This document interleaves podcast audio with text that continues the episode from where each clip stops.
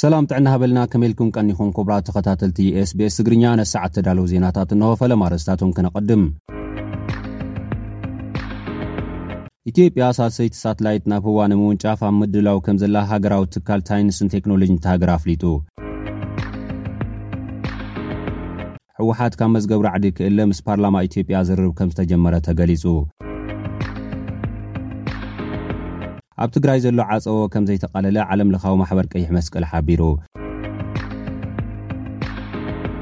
ብኲናት ንዘጋጠመ ጉድኣት ካሕሳ ከም ዘይህብ መድሕን ህይወት ኢትዮጵያ ኣፍሊጡ። ኣብ ሶማልያ ትሽዓተ ኣባላት ሓንቲ ስድራ ዝርከቦም ሰላሳን ሓሙሽተን ሰባት ብመጥቃዕቲ ቦምባ ከም ዝተቐትሉ ተገሊጹ ዝብሉ ነዚ ሰዓት ተዳለዉ ዜናታት እዮም። ናብ ዝርዝራቶም ክንቅጽል። ኢትዮጵያ ሳልሰይቲ ሳትላይት ናብ ህዋ ንምውንጫፍ ኣብ ምድላው ከምዘላ ሃገራዊ ትካል ሳይንስን ቴክኖሎጂን እታ ሃገር ኣፍሊጡ። ምክትል ዳይሬክተር እቲ ትካል ዶክተር የሹሩን ኣለማየሁ ከምዝገለፅዎ፣ ኢቲኣርኤስኤስ ዝባር ክልተ ተባሂላ እትፅዋዕ ሳልሰይቲ ሳትላይት ልክዕ ከምተን ካልኦት ሳትላይታት ናይ መሬት ምስሊ ትስእል ኮይና ካብቶም ካልኦት ዝፀረየ ምስሊ ክትልእኽ ትፅቢት ከምዝግበረላ ገሊፆም። ኢትዮጵያ ቅድሚ ሕጂ ኢቲኣርኤስኤስ ሓደ ከምኡውን እቲ ስማርት ኣርኤስኤስ ዝተባህላ ክልተ ሳትላይታት ናብ ህዋ ከም ዘወንጨፈት ዝፍለጥ እዩ።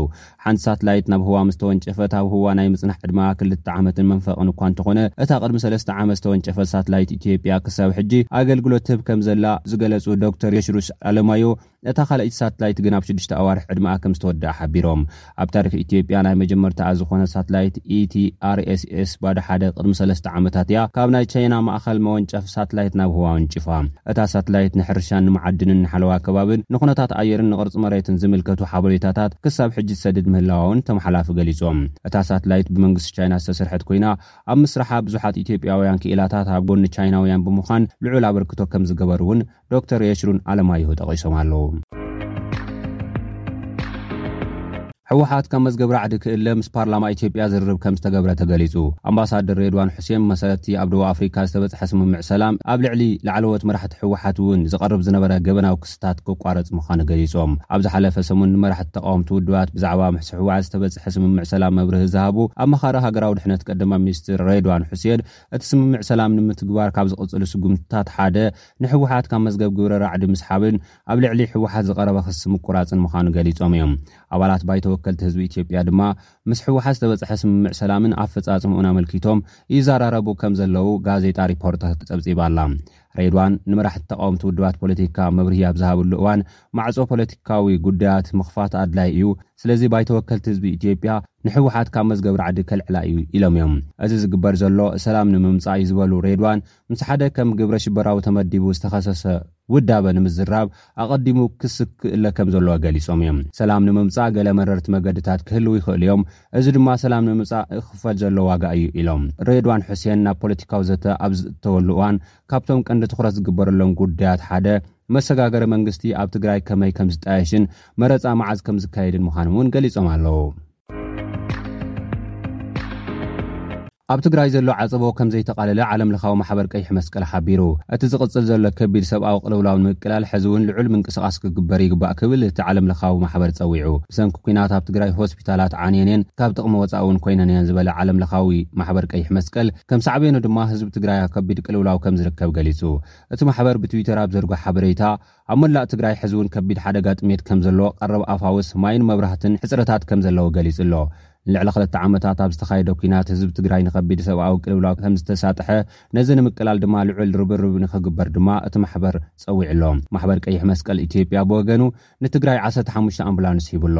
ነዚ ኣምፑላንስ ዘረከቡ ፕረዚደንት ማሕበር ቀይሕ መስቀል ኢትዮጵያ ኣይተ ኣበራ ቶላ ብቐጻልነት ኣብ ትግራይ ብሰንኪ እቲ ኲናት ዝበጽሑ ዕንወታት ብዝግባእ ብምጽናዕ መድሓኒት ሓዊሱ ቀፃልነት ዘለዎም ድጋፋት ክህቡ ምዃኖም እውን ሓቢሮም ኣለዉ።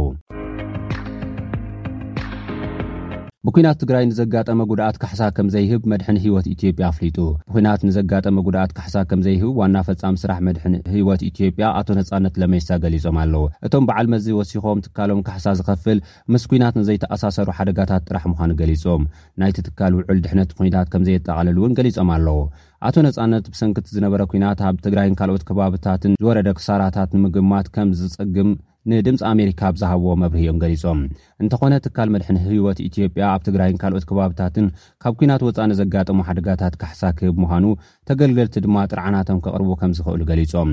ኣብ ትግራይ ነቲ ኣብ መቐለ ዘሎ ዋና ቤት ፅሕፈት ሓዊስካ ሸውዓተ ጨንፈራት ትካል መድሕን ህይወት ኢትዮጵያ ከምዘለዉ ዘመልከቱ ኣቶ ነፃነት ብሰንኪ እቲ ኲናት ኩሎም ሰራሕ ኣቋሪፆም ብምፅንሖም ትካሎም በዞም ጨንፈራት ኣቢሉ ንዓማዊሉ ይህቦ ካብ ዝነበረ ኣገልግሎት ኣብ ውሽጢ ክልተ ዓመታት ኣስታት ክልተ ሚእቲ ሚልየን ቅርሺ ኣታዊ ከምዝሰኣነ ገሊፆም። ሕዚ ግን ነቲ ስምምዕ ሰላም ስዒቡ ትካሎም ኣብ ትግራይ ዳግም ኣገልግሎት መድሕን ህይወት ንምጅማር ኣብ ቀፃሊ ሰሙን ሓደ ጉጅለ ሰብ ሙያ ናብ ትግራይ ከምዝልእኽ ገሊፆም ኣለው። ኣብ ሶማልያ ትሽዓተ ኣባላት ሓንቲ ስድራ ዝርከቦም ሰላሳን ሓሙሽተን ሰባት ብመጥቃዕቲ ቦምባ ተቐቲሎም። ኣብ ሶማልያ ማእኸላይ ዞባ ሂራን ክልተ ግዜ ብዝተፈፀመ ኣብ መኪና ዝተፃወደ ናይ ቦምባ መጥቃዕቲ ትሽዓተ ኣባላት ሓንቲ ስድራ ከምዝተቐትሉ ንናይ ዓይኒ መሰኻኽር ፀሪሑ ቢቢሲ ፀብፂቡ ኣሎ። ብዜካ እዚኦም ካልኦት ዕስራን ሽዱሽተን ሰባት እውን ከም ዝተቐትሉ ምኽትል ኮሚሽነር ምንዳፍ ፖሊስ ናይቲ ዞባ ንሮይተርስ ገሊጹ ኣሎ። እቲ ምስ ኣልቃይዳ ርክብ ኣለዎ ዝበሃል ኣብ ሶማልያ ዝንቀሳቐስ ኣልሸባብ ዝተባህለ ዕጡቕ ጉጅለ ነቲ መጥቃዕቲ ባዕሉ ከም ዝፈጸሞ እውን ኣሚኑ ኣሎ። ኮሚሽነር ናይታ ኣብ ማእከላይ ዞባ ሂራን እትርከብ ወረዳ መሃስ ኣብ ዝሃብዎ ርእይቶ፣ እቲ መጥቃዕቲ ንገዝኡን ንገዛ ሓደ ኣባል ባይቶን ዕላማ ዝገበረ ምንባሩ ገሊጾም። ከንቲባ ከተማ መሃስ ሞሓሚድ መሓመድ ሃላን እቲ ካልኣይ መጥቃዕቲ ኣብ ማእከል ዕዳጋ እታ ከተማ ከምዝተፈጀረ ገሊጾም። ናይ ዓይኒ መሰኻኽር እቲ ምፍንጃር ኣዝዩ ብርቱዕ ከምዝነበረ ብምግላጽ ካብቲ ዝተፈንጀረሉ ቦታ ርሒቖም ዝነበሩ ሰባት'ውን ከይተረፉ ብጭልፍላፍ ማለት ስኩጆ ናይቲ ተፈንጃሪ ከምዝተወቕዐ ገሊጾም። ፕረዚደንት ሶማልያ ሓሰን ሸኽ መሓመድ ንመሓመድ ፈርማጆ ተኪኦም ናብ ስልጣን ምስ መጹ ኣልሸባብ ኣብ ወርሒ ነሓሰ ኣብ ውሽጢ መቓድሾ ኣብ ዝርከብ ሓደ ኣዝዩ ፍሉጥ ሆቴል መጥቃዕቲ ብምፍጻም ዕስራ ሰባት ከም ዝቐተለ ዝዝከር እዩ። ክቡራት ተኸታተልቲ ኤስቢኤስ ግርኛ ነዚ ሰዓት ተዳለዉ ዜናታት እዚኦም ይመስሉ። ምሳና ጸኒሕኩም ስለ ዝተኸታተልኩም ብልቢ ነመስግን። ኣብ ቀጻሊ ብኻልእ ትሕዝቶ ክንራኸብ ኢና።